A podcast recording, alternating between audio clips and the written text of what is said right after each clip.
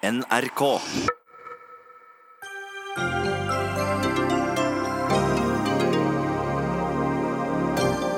Facebook-skandalen er blitt storpolitikk. Nå krever EU og USA svar på hvordan 50 millioner brukere ble tappet for persondata. Alle skal selv få avgjøre hvilket kjønn de tilhører, har helseministeren bestemt. Men skjønte han konsekvensen av det? Det har vært en eksplosiv økning i antall tenåringsjenter som vil skifte kjønn, og nå roper spesialistene varsko. Og Erna Solberg gratulerte Vladimir Putin med gjenvalget. Det burde hun ikke ha gjort, mener kommentator.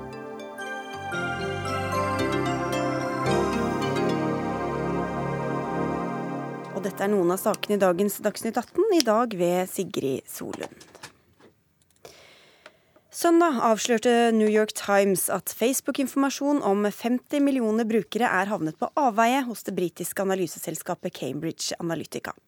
Informasjonen ble brukt under den amerikanske valgkampen i 2016 til fordel for Donald Trump. Cambridge Analytica har også vært involvert i en rekke andre lands valgkamper, og både EU-parlamentet og senatet i USA krever nå svar fra Facebook. I natt innrømmet grunnleggeren av nettstedet, Mark Zuckerberg, at eh, selskapet også har begått feil. Torgeir Waterhouse, du jobber i IKT Norge, er direktør for avdeling for internett og nye medier. Hvorfor har denne saken vakt så voldsomt store reaksjoner nå? Og Det er nok i hovedsak to elementer. Det ene er at uh, denne går rett inn i kjernen av det Facebook og lignende tjenester er. Altså den tilliten mellom oss som brukere og deres plattform. Og hvordan andre får bruke dataene og hva som kommer ut av det. Det er den ene faktoren, og det er på en måte det store problemet for, for Facebook uh, og de andre som har lignende tjenester nå. Og så er det det andre selvfølgelig koblingen til presidentvalget i USA, hvor uh, Cambridge har gått rundt og sagt at vi har fått han valgt basert på dette så er det plutselig også veldig mye større enn bare et stort uh, dataproblem. Ja, For dette er jo noe vi har hørt om tidligere, altså hvordan den amerikanske valgkampen ble påvirket av dette. Så hva er det egentlig som er nytt nå? Ja, delvis er det jo det at, uh, at han uh, står helt stille her, han kanadieren, unge canadieren, har stått fram og fortalt hva han har vært med på og hva som har foregått. Altså en varsler i, i dette ja, Cambridge? Ja. Helt riktig. Og han har liksom fortalt i detalj hvordan de har jobbet og hvordan de har fått det til. Og, og det er også stikk i strid med hva Cambridge Analytica selv har sagt tidligere. De har jo tidligere bekrefta til Facebook at de har sletta alle dataene, og så viser det at de har ikke gjort det osv. Så sånn at uh, det er, blir en stor sak pga. det, og da samtidig i sammenheng med det som har skjedd i USA før. Og det er jo klare koblinger her til den pågående etterforskningen, og konflikten i USA rundt uh, hva skjedde under valgkampen, hvem hadde bindinger til mm. hvem osv. Hvordan har de skaffet seg den informasjonen? I utgangspunktet så har de skaffa den seg på det som fremstår som en helt sånn vanlig og legal måte. De har brukt Facebook som en plattform, som det jo er. Hvor de har tilbudt en app eller en tjeneste på toppen som mange mange mennesker har brukt. Og som mange av oss bruker mange forskjellige varianter av hver dag. Og da genereres det data som de får tilgang til. Og det har de tatt ut. Og ifølge vilkårene fra Facebook så skulle dette brukes til forskning. Eh, mens de har brukt det til noe helt annet. Mm. Og eh, Da har du også noe av problemstillingen her, nemlig hva er ansvaret som plattformleverandøren skal ha, altså i tilfelle Facebook. Hvilket ansvar har de andre som lager tjenester på toppen, og hvilket ansvar har du og jeg som, som brukere. Anders Magnus, USA-korrespondent, du er med fra Washington. Eh, Mark Zuckerberg opptrådde altså på, på CNN og kommenterte da dette, det, denne store saken. Hva slags reaksjoner er kommet i etterkant av det? Det har kommet voldsomme reaksjoner, og få av dem er eh, særlig positive. Mark Zuckerberg var jo fryktelig nervøs eh, under intervjuet i går. Han liker seg ikke foran TV-kameraer. Han uh, forsøkte å unnskylde, men som vi har hørt uh, i Norge de siste dagene, det er ikke alltid lett å unnskylde sånn at noen tror på deg. Spesielt ikke uh, når Facebook visste allerede i 2015 at de Eh, disse dataene var misbrukt. Og eh, nå, når de nå sier at nå skal alle få beskjed som har blitt misbrukt av Cambridge Analytica, hvorfor kunne ikke Facebook orientere de eh, brukerne allerede i 2015? Det er jo et spørsmål mange stiller seg. Og, og man undrer seg jo også over eh, hvordan Facebook har unnlatt å undersøke om disse dataene virkelig var slettet. At de har bare tatt uh, for god fisk en erklæring som Cambridge Analytica har kommet med. Så det er sterke reaksjoner mot Zuckerberg, og mange kommentatorer sier at dette er Facebooks største krise siden starten i 2004. Hva vet vi om, om Donald Trumps rolle, hvordan dette har spilt inn i valgkampen?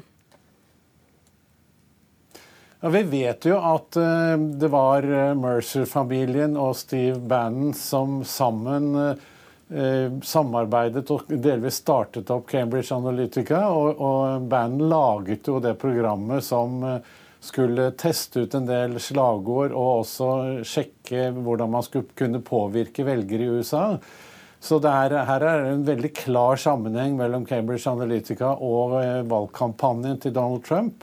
Hvorvidt eh, eh, Trump selv visste om dette, det har vi ikke fått vite noe om enda, Men eh, denne saken er jo nå en del av etterforskningen til Mueller, spesialetterforskeren. Så det kommer nok sannsynligvis flere, flere nyheter om dette. Og, i mellomtiden så har jo amerikanske politikere De er rasende og Zuckerberg er nå innkalt til en komité i eh, Kongressen. Mm.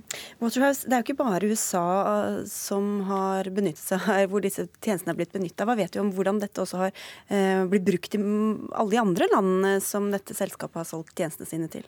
Altså, Man har jo da funnet måter å virkelig kunne targete den enkelte og vite hvem, hvem tjener man på å gå etter og, og, eksponere for informasjon og annonser her. Så det er nok den samme måten å bruke det på. Gå inn i forskjellige land, treffe rette målgrupper, klare å nudge folk over en kant for å begynne å agere, stemme, hva det måtte være. Og, og det interessante og viktige med dette er jo også at uh, hvis man ser det i sammenheng med debatt vi har hatt over lang tid, så har vi hatt debatter og regelverkutvikling for å komme dette i forkjøpet. Så timingen her er ganske fascinerende med tanke på debatten i EU. og Når GDPR, som det heter, altså det nye personvernregelverket, trer i kraft i slutten av mai, så er det mye der som skal komme dette til forkjøpet. og Likevel så vil man stå igjen med utfordringen, for det blir sagt her at, at Facebook får kritikk for å ikke ha virkelig bekrefta at dataen er sletta. Men når det kommer til stykket, så er det jo er man avhengig av å kunne stole på. De har fått en beskjed om at det er sletta fra en, en, profesjonell aktør, og, og, må kunne forholde seg til det. Og det er et av de elementene som er noe er trua, altså tilliten mellom de forskjellige aktørene, og vår tillit til at databehandlerne gjør det de sier de skal. Og ryker den tilliten, så vil veldig mye av tilliten til det digitaliserte samfunnet også stå i fare. Mm. Du nevnte EU. Philip Lote, du er jo eh, NRKs europakorrespondent og er i Brussel for å dekke EU-toppmøtet der, hvor også eh, Facebook-saken står på dagsorden. Hvorfor er dette et viktig tema for EU? Han sto jo ikke der eh, i går kveld, for å si det sånn, men eh, den franske presidenten Emmanuel Macron har bedt om at eh, dette blir tatt opp spesielt. Facebook sto på dagsordenen, men det var fordi at EU mener de betaler for lite skatt. Så på mange måter så er dette selskapet under et voldsomt trykk nå. Og EU-president Donald Tusk sa at man må gjøre noe, fordi man kan ikke sitte og se på at eh, det blir tuklet med at man blander seg inn i demokratier i eh, Europa, at personopplysninger blir brukt, og at man manipulerer med valg i, i EU. Så dette blir et faktisk ganske alvorlig tema på dette, dette møtet. Og man er bekymret fordi at to land som er nevnt i avsløringene, er EU-land, Tsjekkia og Italia. Mm. Er det kommet noen flere uttalelser um, gjennom dagen? Det er mange av de forskjellige regjeringssjefene som uh, snakket om dette på vei inn da de møtte uh, pressen. og Stefan Löfven stoppet for å snakke med kanskje i hovedsak svensk presse, men han sa også litt til oss. Uh, og han sa at ja, han er bekymret. Både du og jeg har rett på å vite hvordan våre opplysninger Eh, person, eh, personlige opplysninger blir brukt. Eh, så dette er ikke bra for demokratiene i Europa. Og også Luxemburgs statsminister på vei inn sa at dette her var et forferdelig problem. Og han satte det også da i sammenheng med spredning av falske nyheter, og viste til eksempler hvor noen steder hvor falske nyheter hadde blitt lest mer enn ekte nyheter. Og EU er jo har jo prøvd tidligere å sette det å bekjempe falsk informasjon, falske nyheter på dagsordenen. Så det faller litt inn i dette, i dette ønsket fra EU. Waterhouse, du snakket om tillit og hvordan vi som forbrukere skal også forholde oss til dette. Vi hadde besøk her i Dagsnytt 18 av Mikael Kosinski i fjor sommer. og Han er dataforsker og psykolog ved Stanford og var med på å utvikle en metode som eh, skulle kombinere da eh, personlighetsanalyser med data fra Facebook. Noe à la det som vi hører om her, altså fra, fra Cambridge Analytica. Og Da jeg spurte om hva vi faktisk kan gjøre for å sette færre digitale spor, som mange er opptatt av nå i disse dager, så sa han at det egentlig ikke var noen vei utenom å slette alt av sosiale medier slutte å google, kaste telefonen, kaste eller klippe i stykker kredittkortet. For egentlig er det ingen vei tilbake. Vi skal høre bitte litt av hva han sa. we are going to be increasingly migrating to the digital environment and leaving an increasing amount of digital footprints. And even if we got some amazing technology that allowed us to fully control what happens to our data, even if we got amazing legislation that also gave us this control, at the end of the day, we want to share a lot of data with the others. I want my blog and my website to be visible to everyone who wants to look at it. I want my news feed updates, my status updates on Facebook to be visible to everyone. I want my tweets to be visible to everyone. Now, this is already enough information for an algorithm to be able to very accurately predict my future behavior and reveal my intimate traits. So basically, there's no going back. I think that we are very quickly heading towards a post privacy age. Mm. Ja, vi er på vei inn i post-privatalderen, kan vi vel si. Det var litt dårlig oversettelse. Men er det da sånn at hvis vi vil leve i denne verden, så er det helt uunngåelig at vi setter igjen alle disse digitale sporene etter oss? Det er det. Altså Hvis vi skal bruke tjenester, hvis vi skal ha et digitalisert betalingssystem som vi har i Norge, hvis vi skal eh, ha et system rundt Oslo hvor, hvor bilene registreres og kjører inn og ut osv., så, videre, så så vil vi legge en masse spor. Og vi kommer ikke bort fra det. Da, da, må vi klippe i stykker alt, som det ble sagt her, og vi må ut i skogen og bo der. Men eh, den viktige debatten rundt dette er jo hvordan skal vi regulere, hvordan skal vi beskytte, hva skal, trenger du og jeg å vite for å ta fornuftige valg? Eh, hvilke regler skal vi ha for bruk av informasjonen? Det, om, om, banken får vite noe om din livsførsel via å lese de digitale sporene dine, eller for noen andre kommer og forteller dem det, så har de likevel regler for hva banken kan bruke av informasjon når de skal vurdere din lånesøknad osv. Så, videre. så, dette handler jo om hvordan skal vi som samfunn nå re restokke det vi driver med, forstå behovene, forstå problemstillingene. Så vi kommer fram til regler og en, og en tradisjon og en praksis som ivaretar din og min rett til et, et, visst personvern. Men vi har aldri vært helt usynlige for hverandre. Vi har alltid sett hverandre i samfunnet. Men, men du sa da måtte vi ha tillit. Men uh, kan vi egentlig ha den tilliten til alle dem vi viser den tilliten i dag, da? Nei, Det er dessverre mange eksempler som viser at det kan være vanskelig. Samtidig så er det jo også eksempler på det motsatte. Så dette handler jo om å at vi må gjøre en, gjøre en, stor prosess nå, egentlig, hvor vi skal virkelig se på ok, hva skal til for å ha den tilliten. Hva skal til for at vi kan fortsette å leve som vi gjør, og få både oppsiden med alle de digitale tjenestene, og samtidig klare å beskytte oss mot de fallgruvene som vi har sett eksempel på nå disse dagene. Mm. Mange fallgruver, altså. Takk skal du ha, Torgeir Waterhouse fra IKT Norge, og til Philip Lote og Anders Magnus med fra Brussel og Washington. Dagsnytt 18 alle hverdager klokka 18 på NRK P2 og NRK2.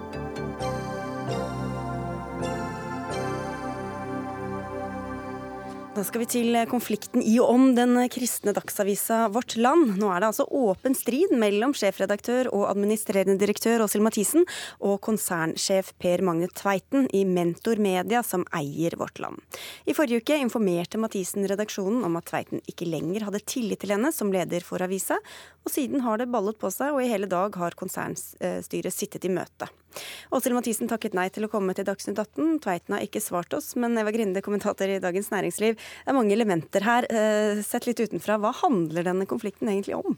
Hvis vi starter med det som skjer akkurat nå, da. I dag så har jo styret i konsernet fått en temmelig delikat eh, sak på bordet. Der du har altså en konsernsjef som i en fortrolig samtale har sagt til sjefredaktøren i Vårt Land at han ikke lenger har eh, tillit til henne. Så for en uke siden så gikk jo hun ut og refererte fra denne samtalen til sine ansatte. Uh, og etter det så har jo dette vært en uh, temmelig spesiell situasjon i, i det avishuset. Ja. ja, for det så kom det også en, en eh, trakasseringssak eh, opp eh, rett etter det. Ja, eller eh, saken eh, kom opp eh, før, men ja. kjennskapen til den Det var altså i høst at det var blitt levert inn et varsel om at konsernsjefen trakasserte sjefredaktøren i Vårt Land. Um, ikke fra sjefredaktør, ikke fra Åshild Mathisen selv, men fra en kollega av henne.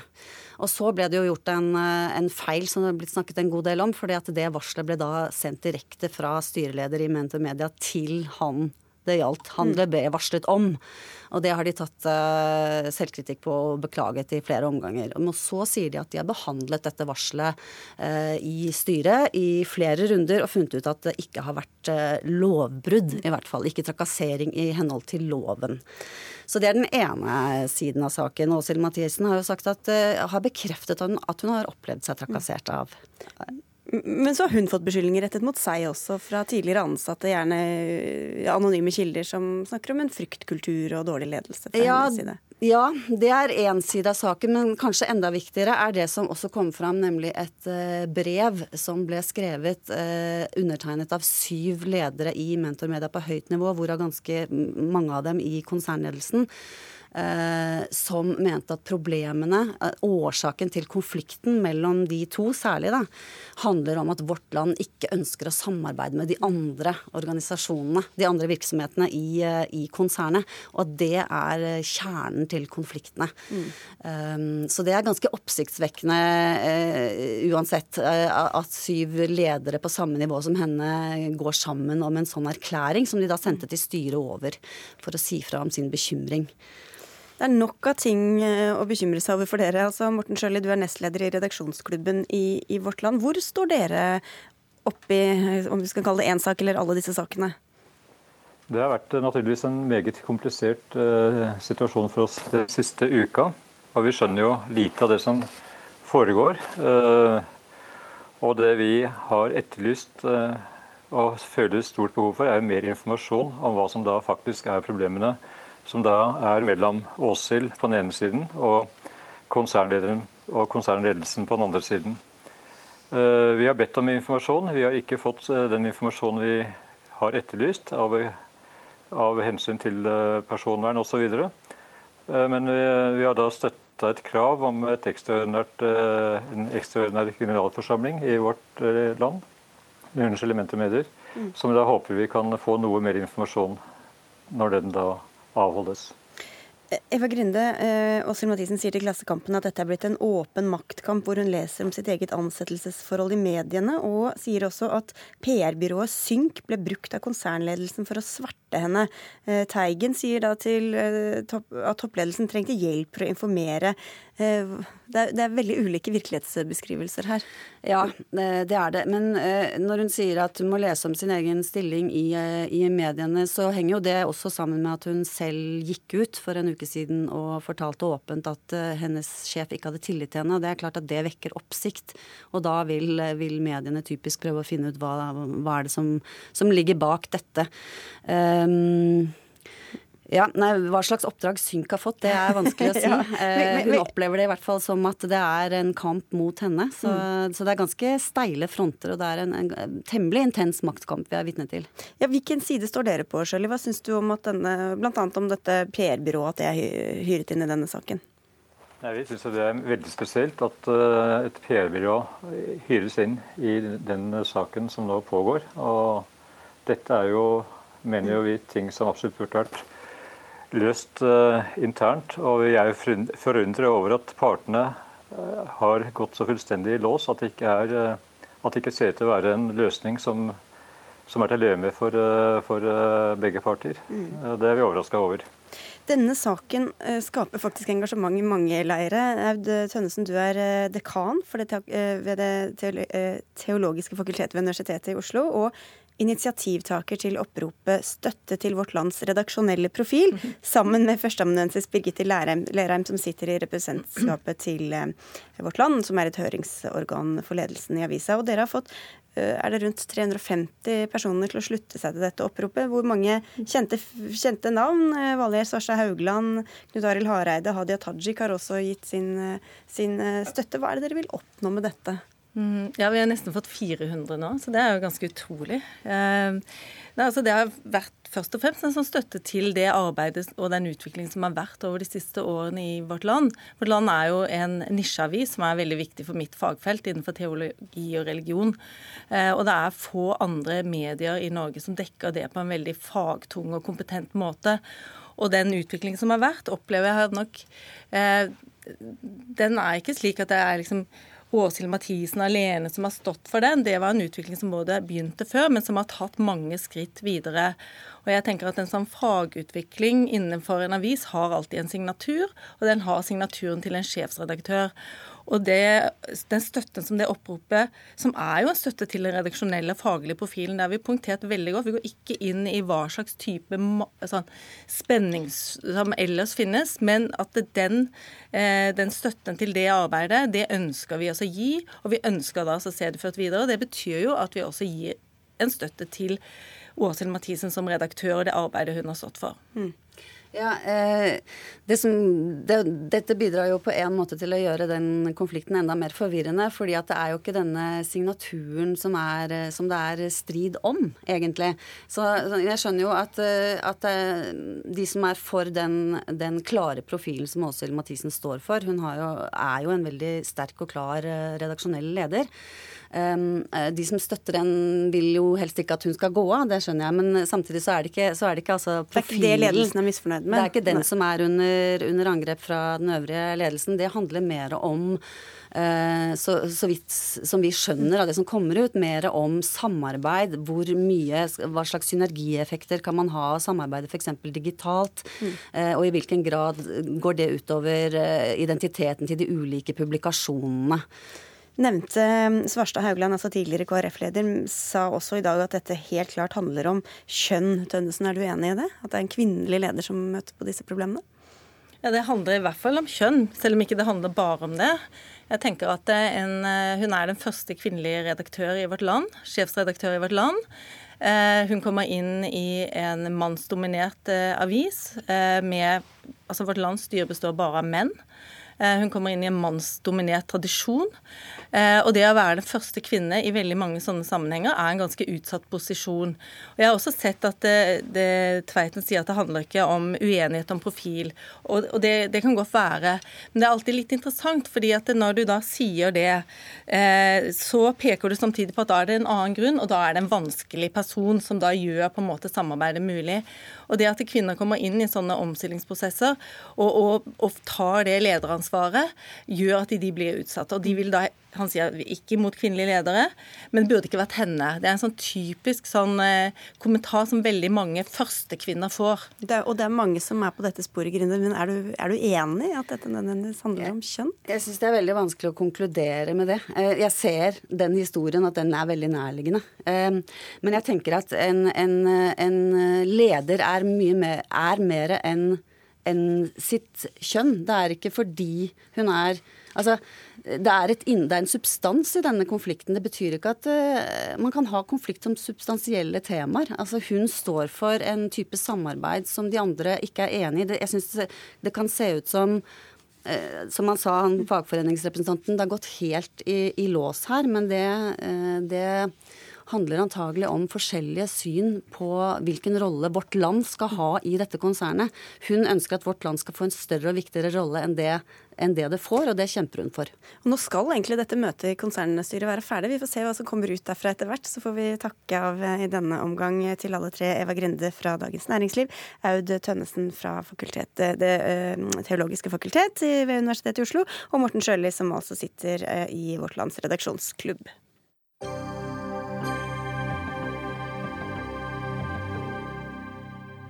De siste årene har det vært eh, en kraftig økning i antall barn og unge som ønsker kjønnsbekreftende behandling hos Nasjonal behandlingstjeneste for transseksualisme. I fjor søkte nærmere 200 personer under 18 år om hjelp. To av tre av dem er biologisk født jenter.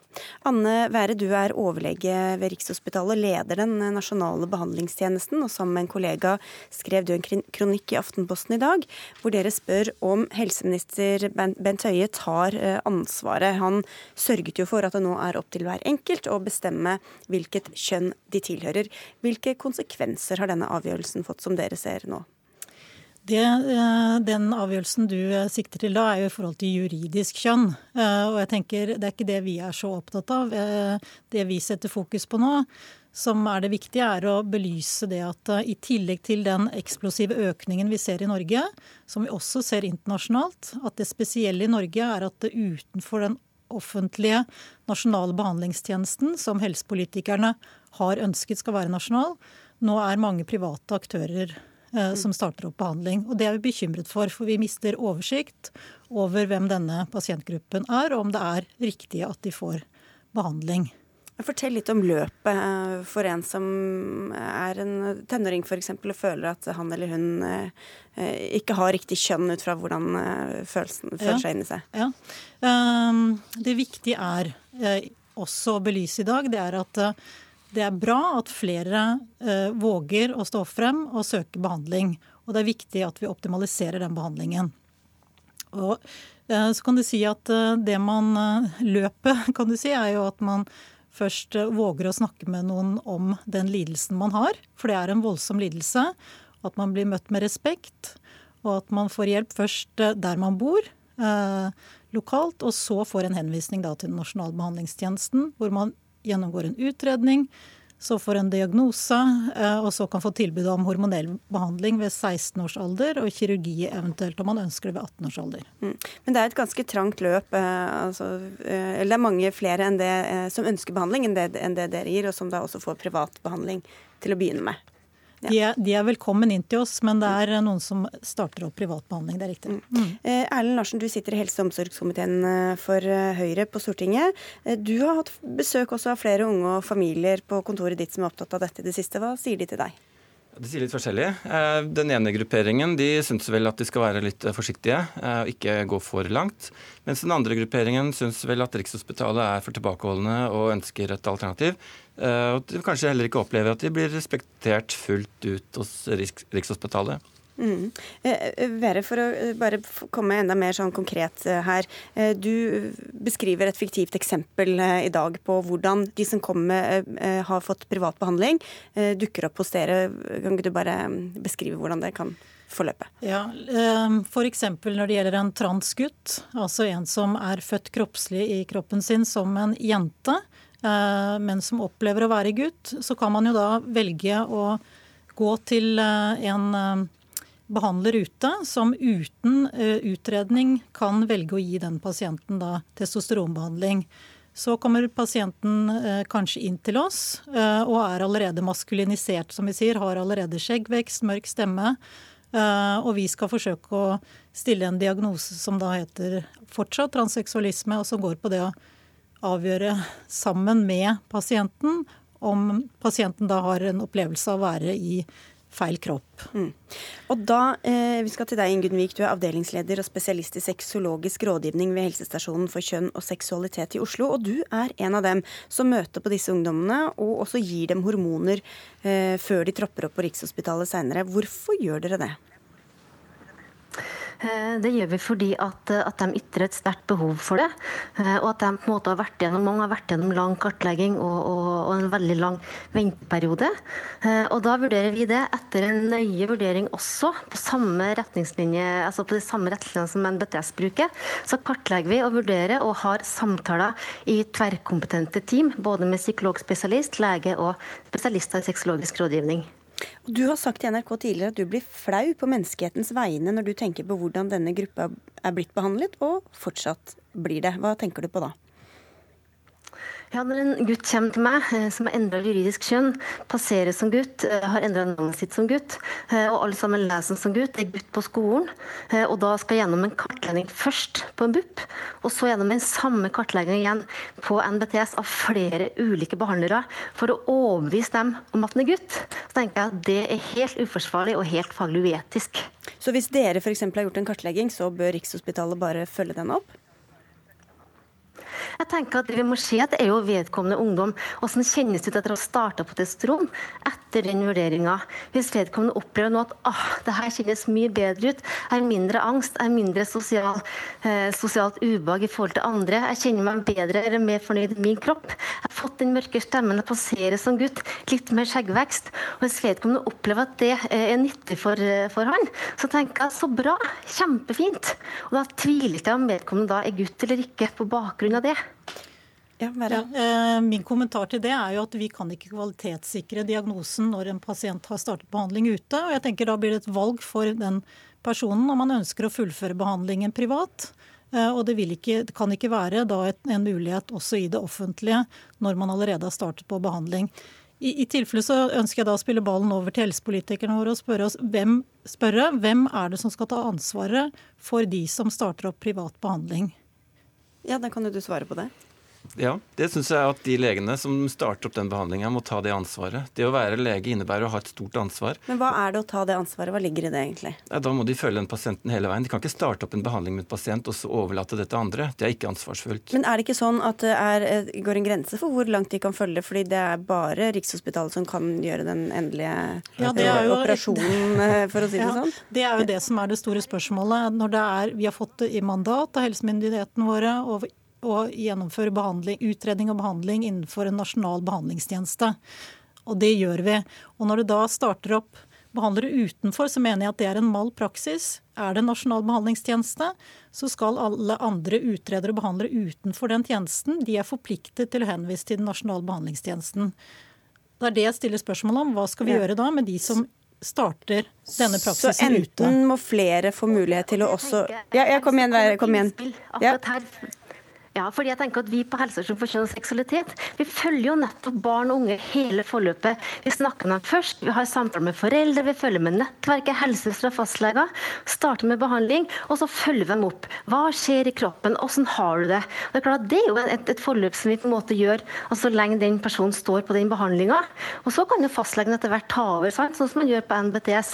Men det er jo nettopp det at vi får vært så tett på, at du får gode relasjoner og allianser med ungdommen. At de nettopp da på en måte kan gi den gode behandlinga. Men hva skjer da med disse når de, når de, når de, kommer, til, ja, når de kommer til Rikshospitalet? Hva skjer da? Ja, da, altså, Det har ikke vært noe problem. Altså, Riksdagen før er nå tatt over når vi på en måte da har kartlagt og sendt dem videre. og starta og vedkommende er fornøyd, så har jo de måttet, da gått til Riksen for å få dekka de her medikamentene.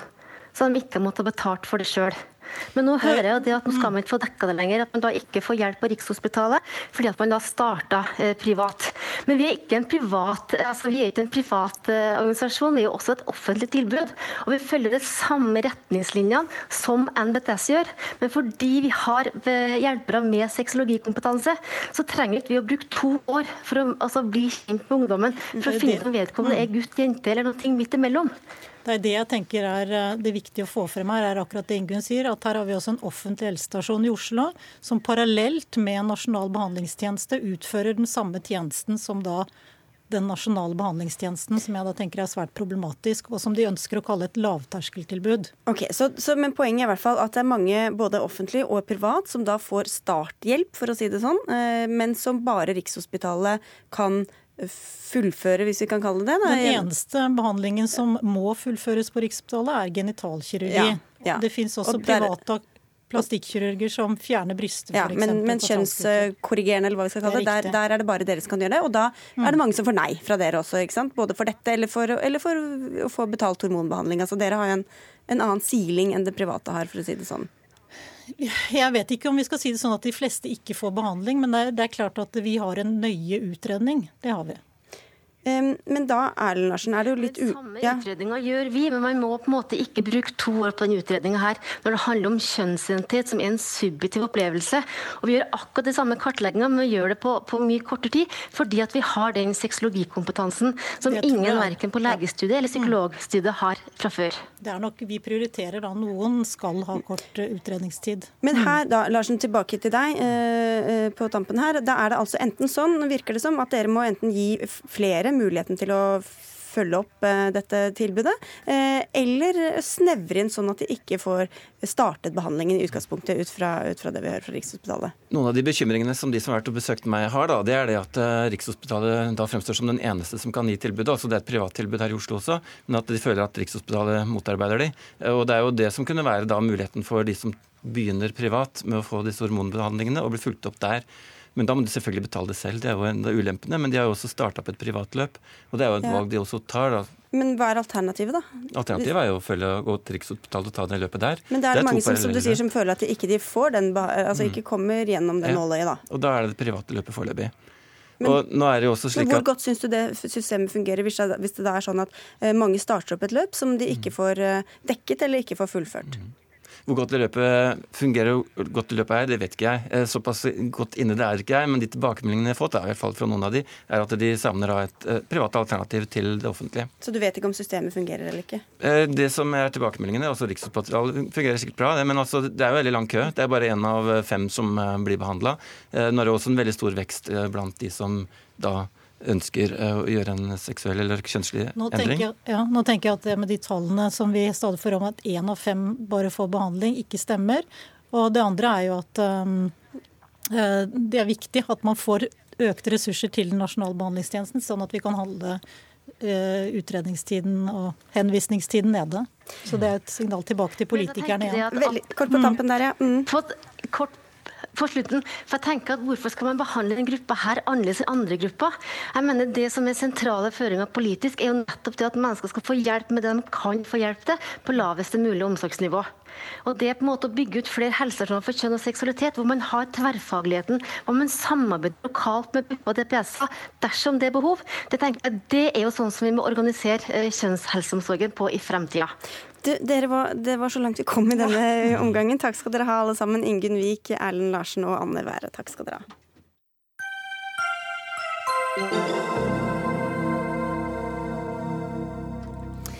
Tyskland gjorde det, USA gjorde det, Norge gjorde det, men Sverige og Danmark lot være. Vladimir Putin ble gjenvalgt som president i Russland for noen dager siden, og noen land har valgt å gratulere med seieren, mens andre forholdt seg tause.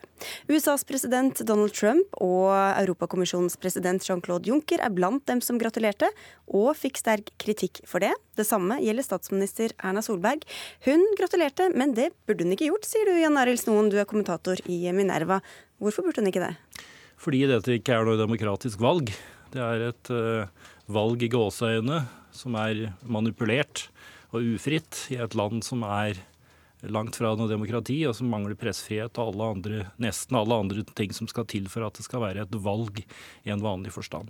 Du gratulerer ikke uh, autoritære med at de har manipulert seg fram til å få et slags juksevotum fra folket.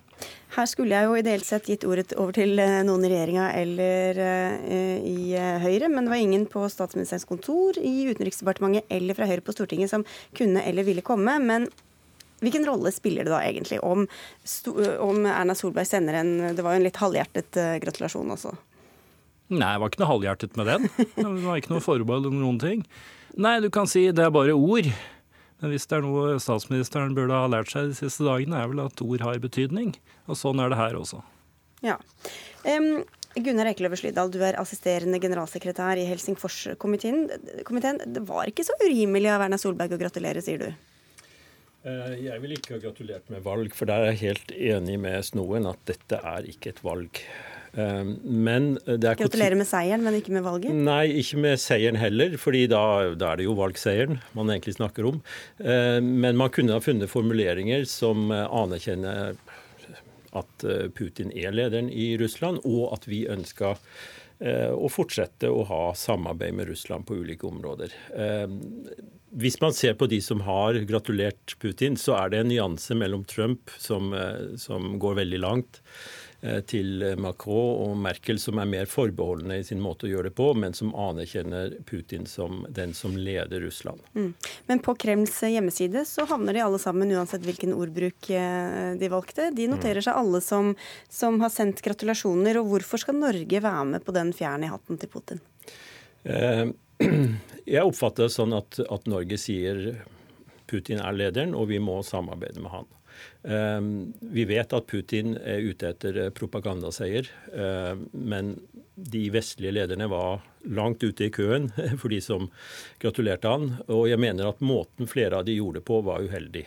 Eh, man bør ikke snakke om valg i Russland, for det har ikke vært et reelt valg i Russland. Så det er jeg helt enig med, med Snoe Men bare si vi registrerer at du fortsatt er der som leder av Russland. Du er der som leder, og vi ja. må forholde oss til deg. Eh, og så har Macron f.eks. ønska deg lykke til. Eh, ja. Det mener vi er innafor. Okay. Mm.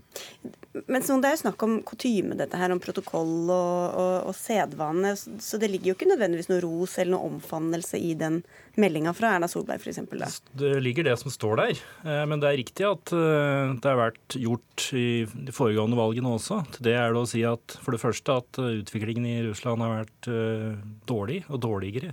Det er verre nå enn det var i forrige valg. der Stoltenberg sendte en eh, gratulasjon, han var til og med på fornavn med Vladimir Vladimirovitsj. Det eh, var ikke Putin engang. Men det er blitt verre. Så det er én ting. Og det andre er at selv om noe har vært gjort over lengre tid feil, så er det ikke noe grunn til å fortsette med det. Det er liksom den verste form for konservatisme. At du har gjort dette feil i mange år, og så skal du fortsette med det. Så prinsippet må være at vi gratulerer ikke folk med valget hvis det ikke har vært et fritt og demokratisk valg. Hva hadde det fått å si da, hvis vi nå eh, ikke hadde gjort det vi gjorde de tre foregående gangene, og ikke gratulert med valget? Eh, da hadde Putin og Kreml notert det, og sett på det som en litt sånn uvennlig handling fra Norge. Eh, vi er selvfølgelig opptatt av å se på helheten av den norske politikken i forhold til Russland dette er ett spørsmål, men det er mange andre viktige spørsmål. Eh, så vi vil ikke at eh, vårt forhold til Russland bare skal ses i lys av akkurat denne handlingen. Vi mener at Norge kan ha en mer kraftfull politikk i forhold til Russland på en rekke andre områder, for å markere at utviklinga i Russland går i feil retning når det gjelder demokrati og menneskerettigheter. Men hvor tungt veier det hvis vi samtidig ønsker til lykke og gratulerer med valgseieren? Ja, vi burde ikke gratulere med valgseieren, men, men det er vi burde sendt en hei.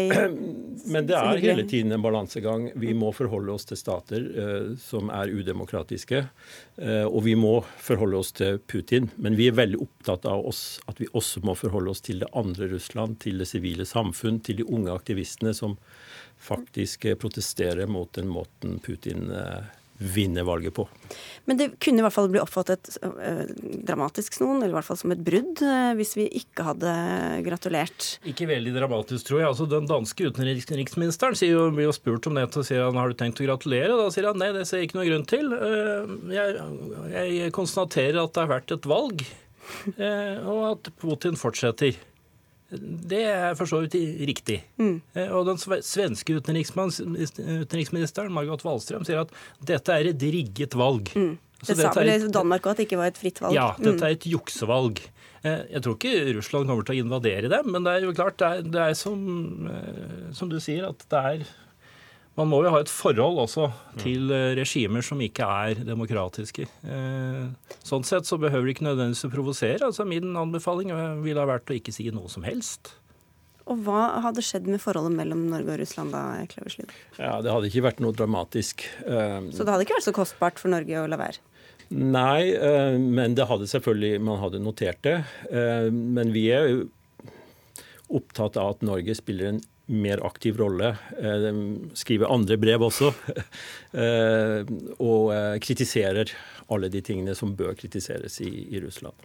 Men Snoen, bare til slutt her. Det er jo, um, du sier at det har utviklet seg i feil retning i Russland, og at derfor så vi ikke, burde vi ikke ha gratulert. Men hva, det er jo mange, mye rart i mange land eller som gjør ting på en måte vi ikke gjør her i Norge. Hva, hvor ligger den grensa da for når vi skal gratulere og, og, ikke? Jo, Den ligger der at du gratulerer folk som har vunnet i demokratiske valg i demokratiske nasjoner.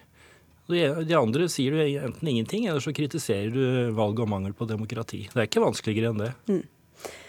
Vi får si takk til dere begge, og uh, beklage igjen at ikke vi fikk uh, Erna Solberg selv eller noen andre fra, fra statsministerens kontor eller Utenriksdepartementet til å komme.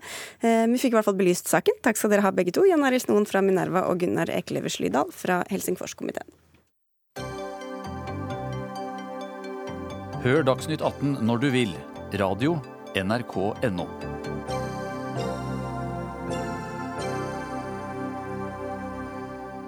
Da gratisavisa Natt og Dag skulle kåre Norges topp ni artige radikaliseringer, kom aerobic-instruktør Kari Jakkesson på førsteplass. Hun ble omtalt som listas mest åpenbare og absurde radikalisering ved at hun har gått fra å være aerobic-instruktør på TV til å bli Syria-farer. I et Facebook-innlegg hadde Jakkesson stilt spørsmål ved hvorfor IS ikke hadde angrepet Israel. I Natt og Dags eh, satiriske innpakning ble dette til at Jakkesson mente at jødene sto bak IS. Og dermed klaget hun artikkelen inn for Pressens faglige utvalg, eh, og i dag endte dere med å gi avisa kritikk, Alf Bjarne Johnsen. Du er lederen i PFU, men under litt tvil, virket det som, eller i hvert fall diskusjonen? Ja, det var ikke helt åpenbar, og sekretariatet hadde innstilt på at vi skulle behandle de på en mildere måte. og da må jo jeg innrømme, siden dette gikk for åpen kanal ut, vi streames, det var meg som mente at vi skulle skjerpe uttalelsen noe. Ja. Fordi Kari, Kari Jakkesson har jo levert en reell klage. Hun uh, føler at det var en krenkelse å bli uh, behengt med utsagnet 'ment at jødene står bak ISIS', som det står. Det, det, er ikke riktig, det bestred hun. Og vi sjekka også det faktagrunnlaget som Natt og Dag hadde lagt til grunn og fant ut at det holdt ikke mål i forhold til å kunne konstatere det. Nei, hva var det som hadde skjedd, og det, hvordan avvek det fra Natt og Dags eh, omtale? Ja, Det var jo et innlegg som du sa i stad, med et spørsmål på Facebook som Natt og Dag hadde konstatert eller slutta til at det Fordi de ramsa jo opp noen fakta om henne da. Som du sa, øh, hun hadde gått fra aerobic-instruktør til God morgen Norge til syriafarer. Gitt ut Kolstålsbøker, vært medlem i kvinnegruppa Ottar, vært leddkledd på forsiden av Mann. Og alt det er riktig, så vidt vi kan forstå. Men så kom det ment at jødene står bak ISIS. Mm. Og så prikk, prikk, prikk, helt rå radikalisering, Kari. Det siste mente hun var en krenkelse. At hun, hun står ikke for det. Jakkesson har ikke besvart henvendelsen fra Dagsnytt 18 i dag. Nikolai Kleivan, du er redaktør i Natt og Dag, og du sier at hele PFUs behandling var rett og slett komisk å se på. Hva var det som var så latterlig? Den var veldig komisk å se på. For det første er ikke vi vant til å bli tatt opp hos de høye herrer og kvinner i Pressens faglige utvalg, så det er moro når vi skriver en humorsak og blir diskutert der. Eh, som Alf Jarne sier, så ble det også livestreama, og det kjørte vi opp på storskjerm på kontoret og koste oss veldig eh, med det. Eh, men så var det også komisk på andre måter. Jeg syns jo f.eks. ikke at Nå sier Alf Bjarne at de har sett nøye på faktagrunnlaget som vi har lagt til grunn, for, som skal være dekningen for, den, for det vi har skrevet om Kari Jakkesson. Uh, og så vidt jeg hørte, så ble veldig lite av det faktagrunnlaget diskutert i møtet. Men da sier du at det var humor og at det var et faktagrunnlag. Det virker jo ikke helt uh, åpenbart at det henger sammen. Var det humor, eller var det journalistisk Det er sikkert vanskelig den fløyen her på NRK, men, ja, her må vi skille. men humor kan ofte ta utgangspunkt i reelle ting. og for oss så er det ikke noe tvil om at det Kari Jakkesson skrev i den Facebook-tråden, den offentlige Facebook-tråden på veggen til Aftenposten-journalist Ingeborg Senneset, Eh, at det kan tolkes i retning av at hun eh, tror, eller i hvert fall trodde på det tidspunktet, at jøder står bak finansieringen av IS. Men, men da var det ikke et humor på den måten at dere, altså dere, dere mener, mener, det som står der, at det kan Som du sier, det er et faktagrunnlag, og det ja, men, er grunnlag for å si? Vi mener det, men det kan fortsatt være morsomt.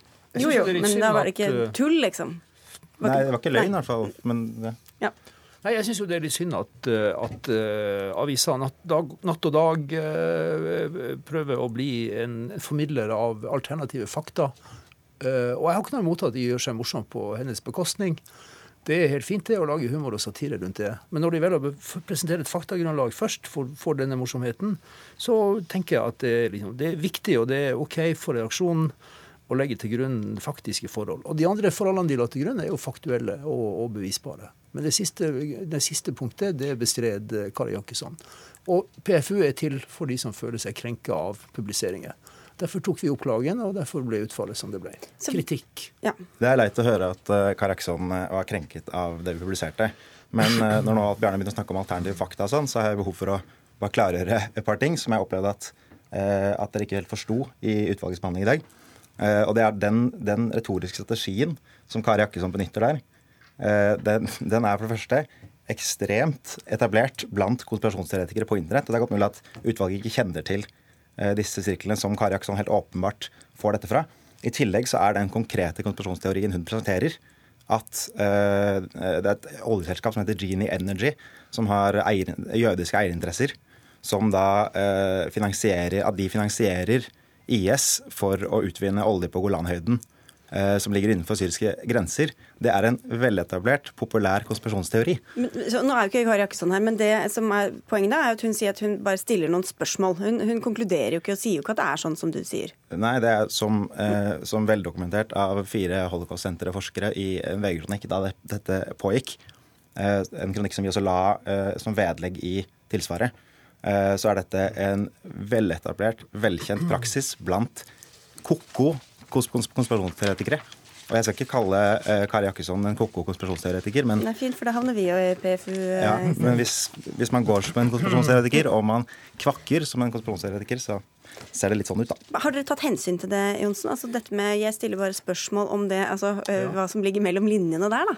Nei, Vi tar utgangspunkt i Kari Jakkessons klage. PFU er et organ som er til kun for klagere. Det eneste vi gjør, vi gjør ikke noe annet uh, overhodet enn å behandle innkomne klager på redaktørstyrte journalistiske medier. Og, og, din avis hører i høyeste grad til i den familien, selv om dere ikke er medlem. Så det betyr jo at det blir i og for seg ikke noe mer klagebehandling nå før avisen eventuelt melder seg inn i en av utgiverforeningen. Men jeg sitter med klagen fra Kari Jakkesson her. Og der står det, den er veldig kort, de skriver om meg, har ment at jødene står bak ISIS. Dette er usant, jeg har aldri sagt eller skrevet noe slikt. Publiseringen bryter med Varsom-plakatens punkt 3.2, som da er faktakontroll, og 4.14, som er mangel på imøtegåelse. Ja. Det siste punktet fikk hun ikke medhold i. Fordi, men en faktakontroll vil jo kanskje innebære å ta kontakt med henne og høre om Ja, men Jeg, jeg bare innvender umiddelbart mot uh, formuleringen til Kari Jakkesson. Mm. Hun sier at hun aldri har uh, skrevet eller sagt noe slikt som vi skriver i tilsvaret. Det er nøyaktig noe slikt hun har sagt og skrevet. Uh, Fordi dere mener at hvis hun da, eller en person stiller flere spørsmål som kan tolkes da konspiratorisk, så er det en konspirasjon? på nei, nei, Disse spørsmålene ble stilt i en Facebook-tråd som handlet om eh, eh, hvorvidt eh, antisemittisme var på fremmarsj. Og så stiller hun disse spørsmålene for å svare på ja, hvorfor er det sånn. Er det egentlig sånn? Hvem tjener på at vi tror at det er sånn at antisemittismen er på fremmarsj? Så glir hun ubemerkelig over til IS og stiller de samme spørsmålene der. Hvem er det som tjener på IS? og at, eh, og at de, de, demoniserer muslimer. Hvem er det som, eller Hvorfor angriper ikke IS Israel?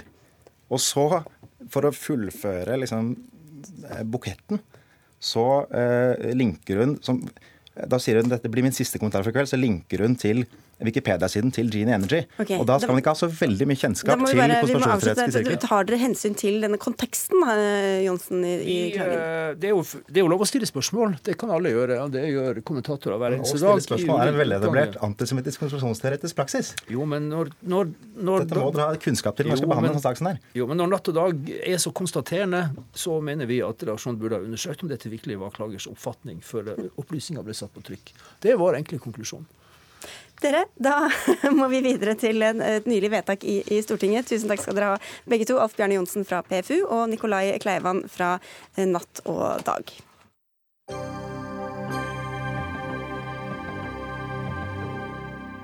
For Akkurat nå har nemlig Stortinget vedtatt at Norge skal slutte seg til dette omstridte EUs tredje energimarkedspakke og energibyrået ACER, etter ukevis med en opprivende og intens debatt, ikke minst innad i Arbeiderpartiet. Og Magnus Takvam, politisk kommentator her i NRK, hvordan har det gått for seg i Stortinget i dag? Jo, det har vært en eh, heftig debatt eh, om utenlandskabler og overføring av suverenitet og eh, integrering i EUs eh, energimarked etter skal vi si, nokså uvanlige skillelinjer, egentlig. Vi har jo et flertall her som består eh, jeg vet ikke om det er første gang, men av Frp og Miljøpartiet De Grønne på mm. samme side, sammen med Arbeiderpartiet, Høyre og, og Venstre. Eh, men de hadde flertall, og dermed, så, som du sier, så er det nettopp da banket gjennom i Stortinget. For her har det handlet både om eh, klima og miljø og strømpriser og industri mm. og suverenitet og EU og det ene med det andre. Ja. Eh, men særlig for Arbeiderpartiet har dette vært en veldig vanskelig sak. Hvorfor, eh, Hva er det som splitter der? Nei, Det er jo selvfølgelig at uh, debatten ute i Distrikts-Norge, der hvor det er hjørnesteinsbedrifter, uh, Sauda, Årdal, Mo, eh, som bruker mm, med kraftkrevende industri, eh, tradisjonell norsk industri. Eh, der er det en veldig stor frykt for at eh, økt eksport av norsk kraft vil føre til økte strømpriser, og dermed slå ut en del av de arbeidsplassene. Det som er paradoksalt eh, i det hele, er jo at Arbeiderpartiet har for på en måte å blidgjøre sine egne fått vedtatt i forhandlingene en pakke som bl.a. Uh, sikrer uh, Statnett framtidig eierskap og sånne ting. En mer sosialdemokratisk profil på energipolitikken etter deres mening.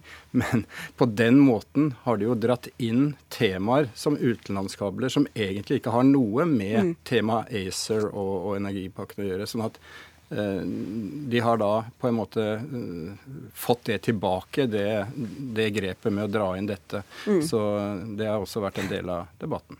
Og En av disse kritiske røstene internt i Arbeiderpartiet har vært deg, Berit Tønnesen. Du er landsstyremedlem og leder av Kristiansund Arbeiderparti og nestleder i Møre og Romsdals Arbeiderparti.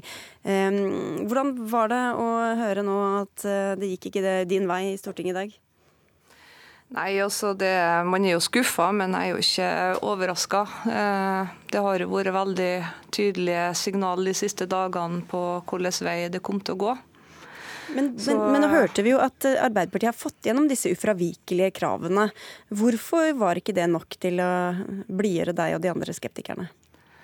Nei, fordi at vi mener at vi ikke skal tilslutte oss eh, ACER. Eh, det er, det er å overføre suverenitet til andre organ enn folkevalgte organ. Det, det er jo det som er beveggrunn for eh, at det er så stor motstand også i arbeiderbevegelsen.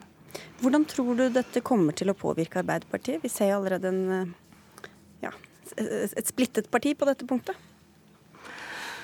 Nei, altså det vil jo tida vise. Eh, nå skal vi nå, vi som har stått på for eh, et nei her, vi, vi er nå selvfølgelig skuffa. Og den skuffelsen tror jeg bare må få synke inn litt, før vi tenker hvordan vi jobber videre politisk. Hva tror du, Magnus Takvam, får du noen etter, etterspill? Ja, altså det, det, kan man ikke se bort fra. Det er jo veldig lett å observere her at altså de som var mest aggressive i debatten, var partiet Rødt og Senterpartiet eh, mot hele pakken og mot det å integrere seg i eh, energimarkedet enda mer. Eh, og det er klart at eh, Eh, jeg mener nok at, og det tror jeg Arbeiderpartiet innser også, at det er kritikerne, det er Nei til EU, det er fagforeningene på disse plassene som har vært skal vi si, aktivistene og vært langt tidligere ute med å sette dagsorden for hva dette handler om. Og så har nok da Arbeiderpartiet kommet eh, på bakfoten og ikke klart å forankre beslutningen godt nok. Så så, så det, og det, det, faktum at i stortingsgruppa så var det en, en bare knappest mulig flertall helt nå mot slutten etter denne forhandlingen som jeg snakket om osv., viser jo at det er veldig stor usikkerhet, og at man har ikke gjort en god nok jobb internt her. Men stemte gruppa samla i Arbeiderpartiet? Ja, selvfølgelig. Når man først I stortingssalen gjorde man jo det, men man kan godt leke seg med tanken om at det ikke er et reelt flertall i mm. Stortinget bak dette.